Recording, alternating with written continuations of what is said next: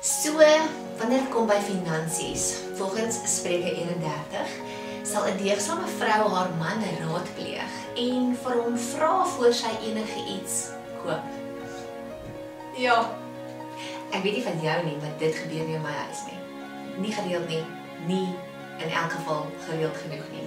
Want in ons huis is ek die minister van finansies. My man hou van sing en somme gaan nie so lekker saam nie. Sing en somme. Nee. So ek doen die somme. En ek hou eintlik van hom. En ek weet wat aangaan, maar dit is moeilik om in hierdie area ook onder jou man te submit en te weet al weet ek wat aangaan in die finansies en al weet ek miskien kan ek nou hierdie ding koop, miskien moet ons net met pappa check en seker maak ons mag hierdie ding koop. So een van my beste vriendinne het 'n reël.